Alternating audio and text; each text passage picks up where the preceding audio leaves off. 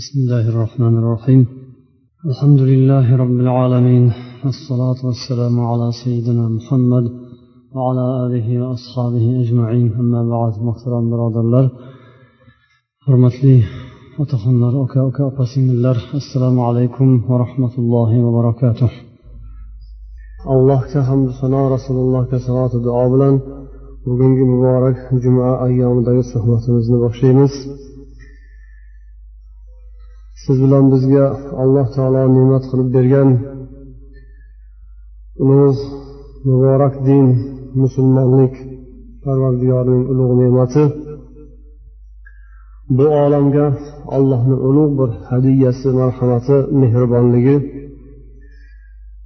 chin iymon keltirgan odamlar chin mo'min musulmonlar bu ne'matni qadriga yetishga harakat qiladilar. Bu musulmonlikni islomni hayotlariga qanday o'rnashgani bu din din islomga otalar bobolar ajdodlar qanday xizmatlar qilishgani bu har bir musulmon uchun nihoyatda ahamiyatli narsaki o'shandan ibrat oladilar va o'zlarini yo'llarini adashmasdan to allohni huzuriga allohning roziligiga yetib olishda kerak bo'ladigan ibratlarini rasululloh sollallohu alayhi vasallam hayotlaridan va u kishini zamon saodatlaridan mo'min musulmonlar izlaydilar. Mana shu maqsadda mana shunday yaxshi niyatlar bilan biz juma kunlarida alloh taoloning uyiga ham ibodat ham allohga itoat ibodat savobini olish va payg'ambar sollallohu alayhi vasallamni hadislariga amal qilish uchun kelamiz. Alloh taolo bizni niyatlarimizga yarasha o'zi oliy maqsadlarimizni amalga oshishini ya'niki o'zining roziligini topishimizni nasib etsin deb allohdan so'raymiz. Biz bugun sizlarga payg'ambar sollallohu alayhi vasallam sahobalaridan birlari ko'pchilikka mashhur tanish bo'lgan sahobalardan adi ibn hotim attoi haqlarida hikoya qilmoqchimiz. Bu kishini otalari hotam toy degan odamni ko'pchiliklaringiz maktabdagi darsliklarda ham eshitgansizlar. U odam islomdan avval payg'ambar sollallohu alayhi vasallamga payg'ambarlik kemasidan ancha oldinroq dunyodan o'tib ketgan bo'lsada ammo saxovat judi karam bobida muruvvat peshalik bobida o'zidan keyin nom qoldirgan hamma tillarda doston bo'lib yuradigan bir odam ana shuning farzandi adi ibn hotim o'zini qabilasida otasidan keyin podsho bo'lib qolgan ekan. Toy qabilasini raisi podshosi ekan. Ilgari shunday arablar kichkina kichkina qabilalarda o'zlariga alohida bir mustaqil podsho qilib olaverar ekanlar. Ular xohlagancha ish yurg'izib qabiladagi odamlarni ojiz notavon odamlarni ustidan zo'rlik zo'ravonlik qilib ularni pulini molini tortib olib maishat bilan kayfu safo bilan hayot kechirib yurardilar. Vaqtiki islom zohir bo'lib odamlar din haq dinni topib guruh guruh islomga kira boshlaganlaridan keyin rasululloh sollallohu alayhi vasallamni da'vatlari bilan ko'p arab podsholari ham atrofidagi qabilalarni podsholari ham musulmon bo'lganlari bo'ldilar. Ammo kayfu safoga maishatga odamlarni birovlarni kuchi bilan kun ko'rishga boshqalarni mehnati evaziga kuchi evaziga maishatvozlik qilishga o'rganganlar esa ancha vaqtgacha qarshilik qilib turdilar. Jumladan mana shu adi ibn hotim ham tayyor oqib kelayotgan o'ljalar tayyor kayfu safo maishat ko'zga ko'rinib payg'ambar sollallohu alayhi vasallamni da'vatlari uning qulog'iga avvalda yoqmay turdi. Musulmonlik kuchayib kengayib musulmonlarning saflari ko'paygan sayi bu odamni dushmanligi ham g'azabu nafrati ham orta borardi. Agar musulmonlik mana shunday kengayib boraveradigan bo'lsa erta indin mani ham qabilamga bu musulmonlar kelib mani ham qabiladoshlarimni islomga kirgizsa unda manga odamlar bo'ysunmay qoladiku.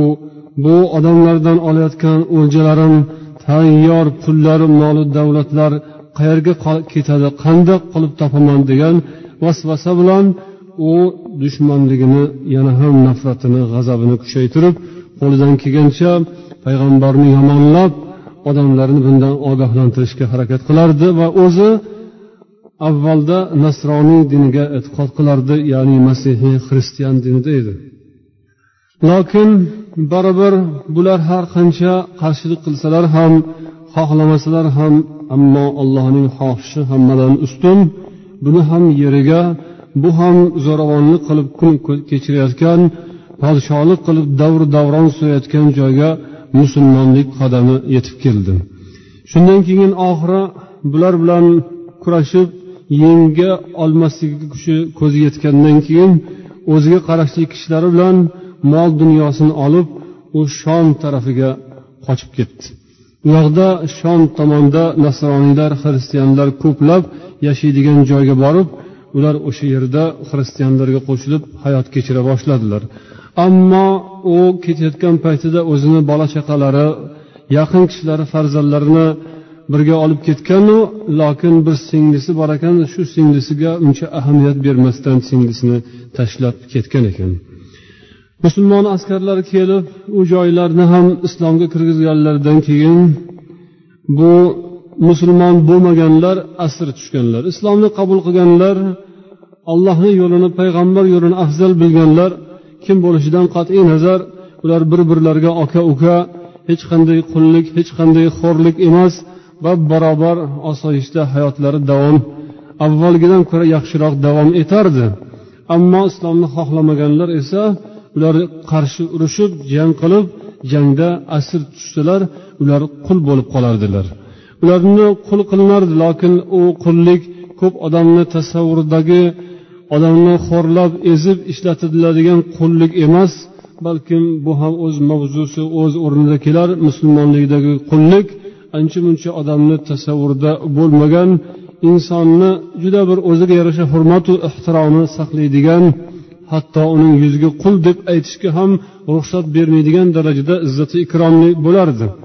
Lokin baribir qullik baribir bu tutqunlik musulmonlik uning o'ziga ham qarshi bo'lgan qullarni ozod qilib insonlarni ozodlikka hurriyatga chiqarishga da'vat qilgan din birinchi shu islomning o'zi. Ana shu adi ibn xotimni singlisi asir tushdi. Asirlarni payg'ambar sollallohu alayhi vasallamni huzurlariga keltirdilar olib kelib masjidni ostonasiga masjidni tashqarisiga ular qo'yib qo'ydilar. Payg'ambar alayhissalotu vassalom masjidga kirib ketayotganlarida mana shu asirlarni ichlaridagi haligi adi ibn hotimni singlisi payg'ambarga qarab dediki yo rasululloh halakal valid g'obal vafid famun alayya mannallohu alayka ya rasululloh mani otam halok bo'ldi yaqin menga qarab turadigan kishim esa u g'oyib bo'ldi alloh taolo sizga marhamat qilsin siz menga bir marhamat qiling deb qoldi shunda payg'ambar so'radilarki kim edi seni qaramog'iga olib senga qarab turadigan kishi g'oyib bo'lgan odaming kim edi deb so'rasalar adi ibn xotim edi xotamning o'g'li adi. Payg'ambar dedilarki al farru minallohi va rasulihi. Olloh va uning elchisi payg'ambardan qochgan qochoqmi? dedilar. Va shundoq deb indamasdan yo'llariga davom etib ketaverdilar. Ertasiga yana masjidga kiradigan joylarida bu ayol yana turib payg'ambarga shu so'zni aytganda payg'ambar yana aytdilarki u sani yaqin kishing ollohu payg'ambardan qochgan haq yo'ldan qochgan haq yo'lni qabul qilmagan qochoqmi dedilaru yana davom etdilar. Uchinchi kun bo'lganda bu ayol endi umidini uzib foyda yo'q ekan bu kishiga murojaat qilganimdan deb turgan bir paytida endi hech narsa demayman deb umidsizlanib turgan vaqtida yana payg'ambar o'tib qoldilar. Keyin payg'ambar sollallohu alayhi vasallamni yonlaridagi bir kishi kelib ishora qildiki kechagi gapingni yana bir takrorlagin deb. Yana ayol o'sha kishi hazrati ali ekanlar hazrati alini so'zlari bilan kecha aytgan so'zini takrorlagandan keyin payg'ambar ho'p mayli sani aytganingcha bo'lsin. Bizdan nima so'raysan? dedilar. U aytdiki man shom viloyatida shom yerida o'zimni ahlim bilan o'sha yerda mani maslakdoshlarim hamdinlarim dindoshlarim ya'ni masihiylar va o'sha yerda qavmi qarindoshlarim ketgan joyga borishni xohlayman agar ijozat bersangiz dedi. Payg'ambar aytdilarki mayli biz rozi bo'ldik lokin sen shoshilmagin toki seni birga olib ketadigan biron bir yo'lni biladigan odam kelgunga qadar sen shoshmasdan turgin. Agar biror kishi senga yo'liqsa o'sha shomdan kelgan yo'lni biladigan sen xotirjam ishonadigan odamlardan birontasi kelsa manga xabar qilgin deb payg'ambar unga yaxshi muomala qilib uni ozod qilishga buyurdilar. Oradan bir necha vaqt o'tgandan keyin bu ayol o'sha shom tomonga ketadigan odamdan birini topdi. Va u bilan gaplashib keyin rasululloh sollallohu alayhi vasallamni huzurlariga kelib safarga tayyor ekanligini bildirdi. Shunda rasululloh sollallohu alayhi vasallam unga safarda yo'lda kerak bo'ladigan darajada oziq ovqat berdilar va unga bir tuya ham berdilar. To o'sha borguncha eson omon xavfu xatarsiz yetib borishiga lozim bo'lgan chora tadbirlarni ko'rib unga bir qancha hadya sovg'alarni berib qo'yib yubordilar ya'ni uni san islomga kirgin deb u yerda majburlab olib qolmadilar boshqa demadilar ketaman deganda xo'p deb uni ozod qilib yana bir qancha narsalar bilan safarga kuzatib qo'ydilar. Buning okasi esa u yoqqa ketganicha tinmasdan singlisi haqida odamlardan so'rab surishtirar edi. Oxiri eshitdiki shunday payg'ambar muhammad ularni asir olib ketgan ekan va oxirida singlisini ozod qilib yuborgan ekanligi haqida xabarni eshitgandan keyin ishongisi kelmadi. Chunki ular payg'ambar haqlarida juda ham yomon gumonda yurardilar. Ular musulmonlarni juda ham bir bir birlariga yomonlab tashlashgan edi. Ataylab o'zlarini ichki nafratlarini boshqa narsalar bilan qo'shib odamlarni tushunmaydigan nodon bilmaydigan ilmsiz kishilarni islom haqida musulmonlar haqlarida va payg'ambarlar haqlarida yomon gaplar bilan bulg'alab tashlashgan edi. Shuning uchun payg'ambar muhammad adi ibn xotimni singlisini qo'yib yuboribdi degan gap ularni qulog'iga borib yetganda ham ular aslo ishonmadilar. Bu bo'lishi mumkin emas. Musulmonlar bunaqa ishni qilmaydi ularni qo'llaridan hech kim qutulib chiqishi mumkin emas deb ular avvaliga ishonishmadi lokin bu ayol o'sha yonidagi odamlari bilan adi ibn xotimni oldiga borgandan keyin yetib borgandan keyin ular hayratdan yoqa ushlab qoldilar. Bu ayol bora sola okasini qattiq ayblab yomonlab ketdi. San qanday bir ahmoq zolim beshafqat yaramas odam ekansan. O'zingni joningni qutqarib moli dunyoyingni ko'tarib qochding. Otangdan qolgan birdan bir yodgorlik bo'lgan singlingni tashlab undan voz kechib ketavergan qandayyam bir nodon ahmoq zolim beshafqat yaramas odamsan deb okasini juda ham qattiq so'kib yomonlab tashladi. Lokin u oxirida bir amallab singlisini xotirjam qilib tinchitgandan keyin nima gaplar? deb so'radi. San o'sha odamni huzurida bir necha kun bo'lib qaytding qo'lida asir bo'lding. Uning qo'lida go'yoki qul bo'lib tutqunlikda bir necha kunni o'tkazding nima deysan u odam haqida? Deganda u odam haqida man faqatgina yaxshi so'z aytaman. Sandan ko'rmagan yaxshiligimni man o'sha odamdan ko'rdim. Senga beradigan maslahatim shuki san hozir shu yerdan turib to'ppa to'g'ri shu muhammadni oldiga borishingni maslahat beraman. Qandoq qilib o'sha hammani mol mulkini tortib olayotgan odamni oldigaya deb bu o'zicha taajjublanganda san oldin borgin gaplashgin ko'rgin so'rashgin uning ahvolidan boxabar bo'lgin tanishgin. Agar podsho bo'ladigan bo'lsa unda san ham bitta podshosan xohlamasang bo'ysunmasang qaytib ketarsan.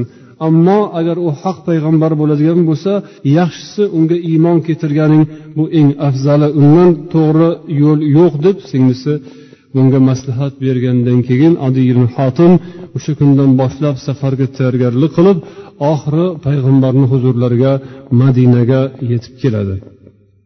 So'rab surishtirib payg'ambarimiz sollallohu alayhi vasallamni turgan joylarini topib u kishiga yo'liqadi. Salom alikdan keyin kim bo'ladilar? deb payg'ambar so'rasalar adi ibn xotim deb javob beradi. Shunda rasululloh sollallohu alayhi vasallam o'rnlaridan turib uni qo'lidan oladilar. Yetaklaganlaricha hujralarga o'zlarini xos xonalariga olib kirib ketdilar. Kirib qarashsa xonada hech narsa yo'q. Adi ibn hotim yo'lda kelayotgan mahalda ham bir holatni kuzatgan edi. Payg'ambar u bilan birgalikda masjid tomonga qarab yurganlarida yo'lda bir keksa kampir xotin uning yonida bir yosh bolasi bilan kelayotgan bir kampirga duch kelishdida o'sha yerda u xotin qandaydir o'zini hojatlarini savollarini aytib payg'ambarni ancha tutib yo'ldan qoldirdi. Lokin rasululloh biror marta ham undan malol ko'rganlarini man hozir ishim zarurroq shoshib turibman gapni sal qisqaroq qiling deganga o'xshab biron bir muomalani ko'rmasdan hayron bo'ldiki bu odam man o'ylagandek podshohga o'xshamaydiku. Podsholar bunaqa qilib gaplashmaydi odamlar bilan. Oddiy odam bilan ko'chada yo'lni tepasida birovni to'xtatib ular gapiga sabr bardosh bilan to'xtab shoshilmasdan biron bir so'z bilan uning gapini bo'lmasdan oxirigacha eshitib turish bu podsholarni tabiatida yo'q narsa. Shuning uchun bu odam podsho emasga o'xshaydi degan xayol o'tgan edi. Keyin hujralarga kirganlaridan so'ng qarasa hujrada xonada hech narsa yo'q. U o'ylaganday taxtaravonu qator qator idish tayoq boshqalaru ko'rpachalaru to'shaklaru gilamlar hech narsa yo'q. Faqatgina bir bir parchagina to'shakka o'xshagan narsa u ham bir teridan qilingan ichiga xurmo daraxtini po'stloqlaridan paxtani o'rniga xurmo daraxtlarini po'stloqlaridan barglaridan solingan bir donagina to'shak bor ekan. Shuni oldilarida adi ibn hotimni tagiga tashlab shunga o'tirgin dedilar. Adi ibn hotim uyalib hijolat tortib yo'q siz o'tiring dedi. Payg'ambar yo'q sen o'tirgin deb uni o'tqazdilar qaradi atrofda yana bir nazarini solganda rasululloh bunga e'tibor berdilar shekilli keyin payg'ambar dedilarki yo adi san nasroniy dinida yurgan eding nasorosan ha shundoq. San o'zingni qavmingda aylanib yurib ularni topgan tutganlardan xohlagancha tortib olib o'zingni o'sha nasoro dinidaman deyapsanku lokin nasoro dinida ham halol bo'lmagan narsalarni o'zingni qo'l ostidagi kishilaringni haqqini tortib olib yeb yurarding a shundoq emasmi? Shu so'zlarni aytganlaridan keyin bu odam ha demak bu kishi haqiqatdan ham payg'ambar ekan degan bir xayol fikr uning diliga kela boshladi. Ey adi seni bizning dinimizga islom diniga kirishingga to'sqinlik qilib turgan narsa bugungi kunda mo'min musulmonlarni ancha iqtisodiy jihatdan nochor ekanliklari kambag'al ekanliklari seni balkim islomdan to'sib turgandir. Chunki oldin katta yeb katta ichib o'rgangan juda davr davron surgan odamlar ko'pincha musulmonlarni ko'pchiliklari kambag'alroq faqirroq ekanliklarini ko'rib man ham shular bilan teng bo'lamanmi? Mana shunday odamlarning yoniga kirib ular bilan yonma bo'lib endi namoz o'qiymanmi ibodat qilamanmi mana shu faqirlar bechoralar oddiy odamlar borgan masjidga man ham boramanmi endi shular bilan teppa teng bo'lib boshimni yerga qo'yamanmi degan kattalik bilan ko'plari islomga kirmasdan mutakabbirliklari orqali kibru havolari tufayli islomga kelmasdilar. Shuning uchun payg'ambar dedilarki san ham hoynahoy o'zing juda qavmingda podsho bo'lib xohlagan ishingni qilib yurgan odam eding bu yoqdagi musulmonlarni shu ahvolini ko'rganing uchun sen islomga kirolmay turibsan. Va yana seni islomga kirolmayotganligingni sabablaridan biri bugungi kunda musulmonlarning sonlari ozroq ularning esa dushmanlari ko'p. Haqiqatdan ham dunyoda ko'pchilik o'sha paytda ham kofirlarni tashkil etardi. Xuddi bugungi kunda singari dunyoni ko'pdan ko'p aholisi aksariyat asosiy qismi kofirlar mushriklar bo'lganidek o'sha vaqtda ham payg'ambar zamonlarida ham musulmonlarni soni juda ko'p emasdi. Jazirai arabdagilar musulmon bo'lgan bo'lsada lokin boshqa qit'alar dunyoning boshqa burchaklarida hali kofirlar g'ij g'ij hammayoq mushrik kufr shunday. Mana shu narsalarni ko'rganing balkim bu musulmonlarning kuchi oz musulmonlarning sonlari oz u yoqda ularning dushmanlari ko'p deyotgan bo'lsang kerak hoynahoy. Shuning uchun ham sen hali islomga kirishga ikkilanib turgan bo'lsang kerakda lokin alloh taologa qasamki shundoq bir zamon keladiki alloh taolo islomga shunday bir kunlarni nasib etadiki bir ayol uzoq bir mamlakatlardan o'zini tuyasiga mingan holda kabaga qarab makkaga qarab ziyoratga keladi. Hech bir narsadan xavfu xatarga tushmasdan o'zini moli joni omonda bo'lgan holda hali shu yerlarga kelib bemalol ziyorat qilib ketadigan ya'ni musulmonlarga hech kim qo'l cho'zolmaydigan ularga bir zarar yetkazolmaydigan vaqt ham hali keladi. Va yana alloh taologa qasamki yaqinda agar seni olloh umringni uzoq qilsa ko'rasan podsholarni musulmonlardan tashqari bo'lgan ko'p podsholarni mamlakatlari ularni topgan tutgan moli dunyolari hammasi musulmonlarning qo'llariga o'tadi. Alloh taolo mo'minlarga musulmonlarga ana shularning moli dunyolarini olib berishni kisroni moli davlatlarini olib berishni olloh va'da qilgan. Bu gapni eshitgandan keyin adi ibn xotim dediki siz hurmuzning o'g'li kisroni aytyapsizmi? Ya'ni eronni podshosi imperatori kisro hurmuzning o'g'li kisroni aytyapsizmi deganda ha xuddi o'shani. Deb payg'ambar oldindan bo'lajak voqealarni xabarini adi ibn xotimga aytdilar. Bugungi kunda musulmonlar biroz zaifroq ojizroq bo'lib tursada lokin oqibat mo'min musulmon odamniki. Alloh bu dinning kelajagini oqibatini juda ham bir katta qilgan oqibatini muvaffaqiyatli qilgan ekanligini xabarini berdilar.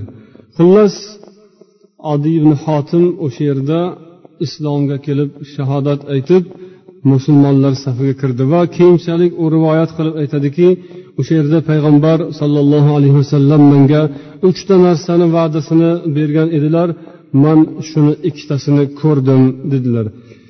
Ya'ni adi ibn xotim haqiqatdan umri uzoq bo'lib payg'ambar alayhissalotu vassalomni oldinda qilgan bashoratlarini u ko'rgan ekan. Yana payg'ambarni bashoratlaridan biri shundoq ekanki san bugun musulmonlarni kambag'al miskinroq holda ko'ryapsanku ammo shunday bir zamon keladiki sadaqani zakotni kim oladi? deb odamlar ko'chada sadaqa mollarini ko'tarib yuradigan vaqtlari keladi. Hech kim sadaqa zakot olmaydigan bir zamon kelib qoladi yaqinda degan ekanlar haqiqatdan ham bunday davr bir marta bo'lib o'tgan ekan. Ya'ni umar ibn abdul aziz degan xalifa davrlarida musulmonlarni qo'llarida shunday moli dunyo davlat ko'payib qoldiki natijada sadaqa oladigan moli dunyoning zakotini oladigan odam topilmas edi. Hamma tomonlama mo'min musulmonlarni ishlari yaxshi rivojlangan ham iqtisodiy tomondan ham boshqa tomondan ular bir mukammal sharoitga ham erishganlarini adi ibn xotim ko'rdi. Xullas islomga keladigan odamlarni yo'llari hammalariga har xil bir taqdirni alloh taolo nasib etgan ekan. Ba'zi bir odam payg'ambar sollallohu alayhi vasallamni bir og'iz da'vatlari bilan uning qalbiga olloh islomni solgan bo'lsa hazrati abu bakr siddiqqa o'xshagan hech bir narsasiz na bir moli dunyoning ishqida na bir boshqa bir siyosiy mansab yoki boshqa narsalarni hech bir narsani o'ylamasdan islomga iymonga kelgan odamlar ham bo'lganlar. Ammo mana bu tarixlardan hikoyalardan ko'rinadiki ba'zi bir odamlarni musulmon bo'lishlariga sabab bo'lgan narsa xuddi bir dunyoviy narsadek yoki bir ozodlik hurriyat erkinlikda hayot kechirayin degandek bir umid ilinj bilan musulmon bo'lganlari bo'lsada ammo oradan biroz vaqt o'tib o'tmasdan ularning iymonlari haqiqiy iymonga aylanib ular islomda juda katta xizmatlarini ado qilganlar. Shuning uchun ham musulmonlikda islomga da'vat qilishda mana shu payg'ambar sollallohu alayhi vasallamni uslublari yo'llari bu bizga ibrat bo'ladi. Ba'zi bir kishilar odamlarni shu pulga moli dunyoga qiziqishlarini bu shunday molga qiziqib pulga qiziqib davlatga qiziqib boshqa narsaga qiziqib musulmon bo'lish e, yaxshi emas. Ammo payg'ambar alayhissalotu vassalom huzurlariga o'sha zamondagi arobiylardan kelishib bir necha marotaba payg'ambardan mol dunyodan berishlarini sadaqa ehson qilishlarini talab qilib kelishardi. Ularni rasululloh qaytarmasdan aytganlaricha ko'ngillaridagidek qilib mol dunyo berardilar.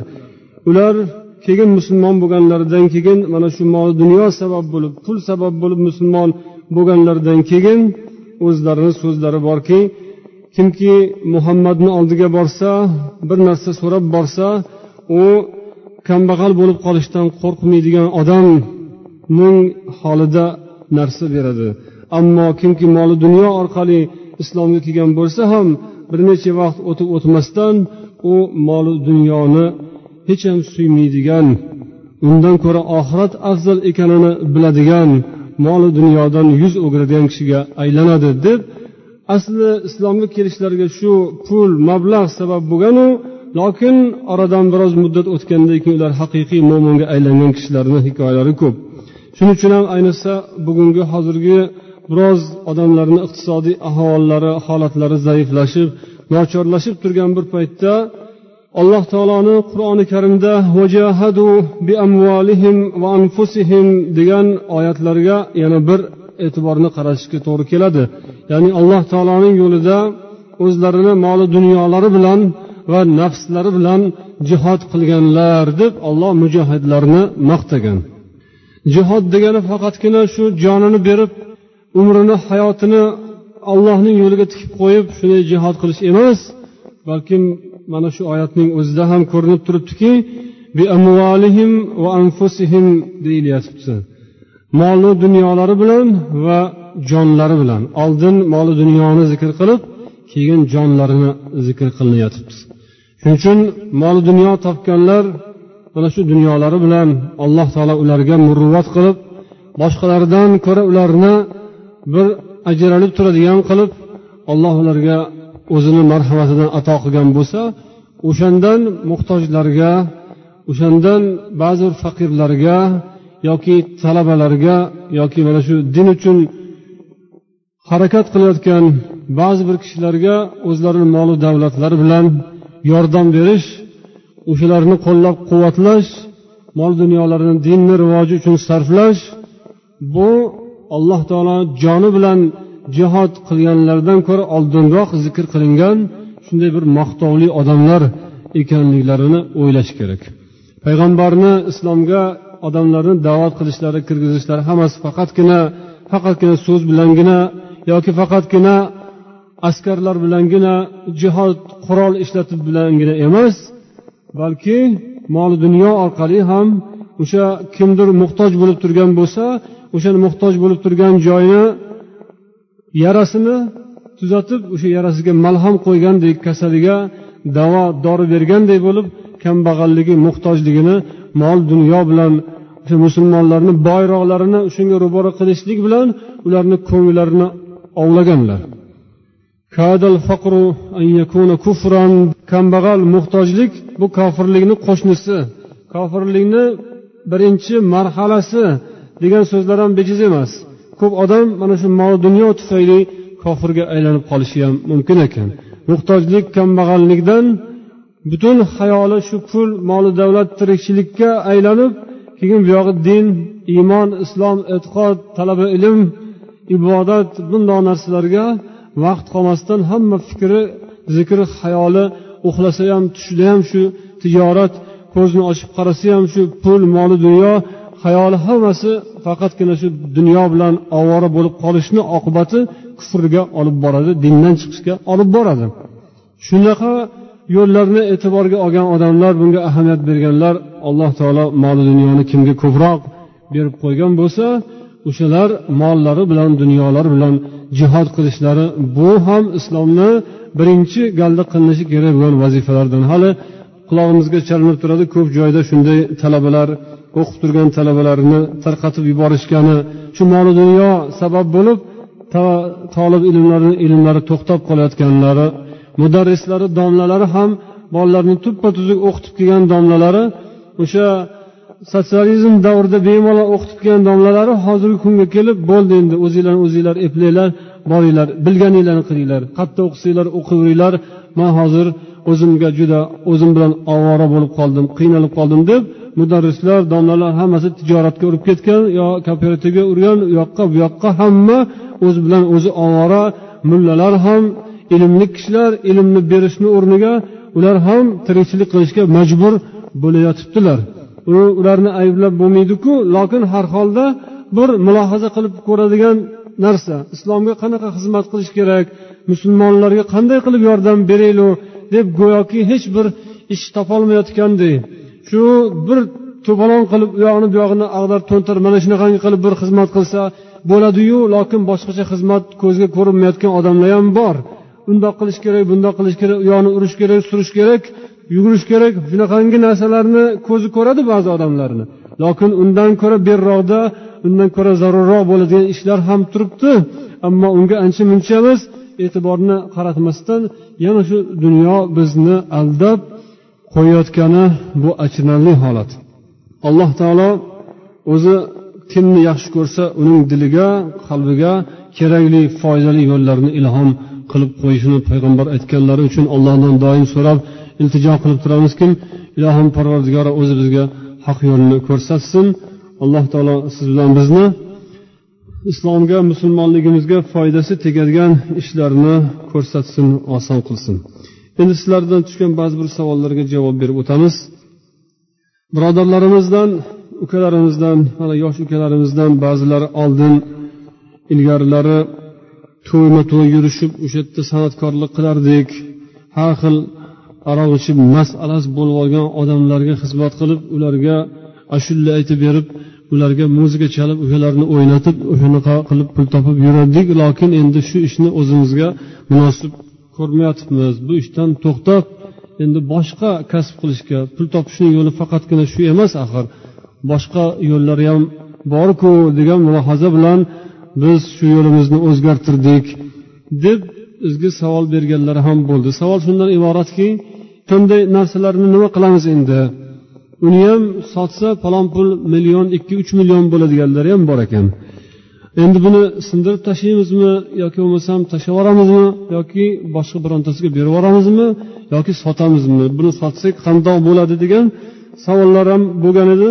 Biz aqlimiz ilmimiz yetganicha qo'limizdan kelganicha shundoq deb javob berishga qaror qildikki bu masalani asli boradigan taqiladigan joyi o'sha musiqa musiqa o'zi umuman tag'anniy islomda uning hukmi nima degan masalaga qaytib boradi.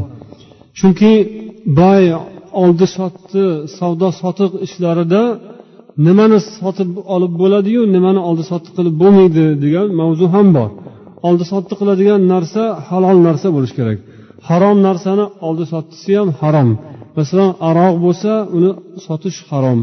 Sotib aroqdan pul topish harom. Uni foydasini olish bu harom. Kimdir deylik johiliyat vaqtida yashu yashu aroq olib qo'ygan bo'lsa endi tushunib islomga kelib ibodatga boshlagandan keyin nima qilaman bu narsalarni? Sotib uni o'rniga bir halol narsa olsam bo'ladimi? deb so'ragan savollarga javob shuki uni sotib bo'lmaydi. U harom endi. Sotib puli ham harom bo'ladi. Olib borib uni bironta bir joyga tashlash kerak axlatxonaga tashlash kerak uni yo'qotish kerak. Aslida tegi tubi ayni harom bo'lgan narsani sotish ham harom bo'ladi.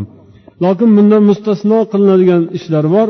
Boshqa bir ishda odatda ishlatilishga hamma ko'nikkan unga ruxsat berilgan ishlatsa bo'ladigan masalan axlat hayvonni axlati tezagi buni dehqonchilikda dalada o'g'it sifatida ishlatiladigan buni oldi sottisi joiz deyishgan. Chunki bu ommaga hamma buni ishlatadigan narsa bu mustasno. Yoki bo'lmasam it olib sotish. It saqlashni o'zi mumkin emas harom. Illo faqatgina ov iti bo'lsa yoki o'rgatilgan iti bo'lsa qo'riqchi iti bo'lsa u joiz. Shunday itni demak oldi sotdi qilish mumkin bo'ladi. Agar o'zini o'sha boqish mumkin bo'lgandan keyin oldi sotsa ham mumkin. Boqish mumkin bo'lmagandan keyin oldi sotsa ham mumkin emas. Shundan kelib chiqadiki bu musiqa asboblarini endi oldi sotdi qilishni hukmi qandoq bo'ladi deyilsa buning hukmi o'sha musiqani o'zini hukmi nimadi degan savoldan javobdan kelib chiqadi. Har holda islom olimlarini ichida musiqani ba'zi bir shartlarini qo'yib turib ba'zi bir shartlarini o'rtaga qo'ygan holda joiz deganlari ham bor. Masalan nikohda yoki bo'lmasam hayit kunlarida bayramda o'sha hayitligini musulmonlarning xursandlik kunlari ekanligini izhor qilish uchun musiqa bo'ladi.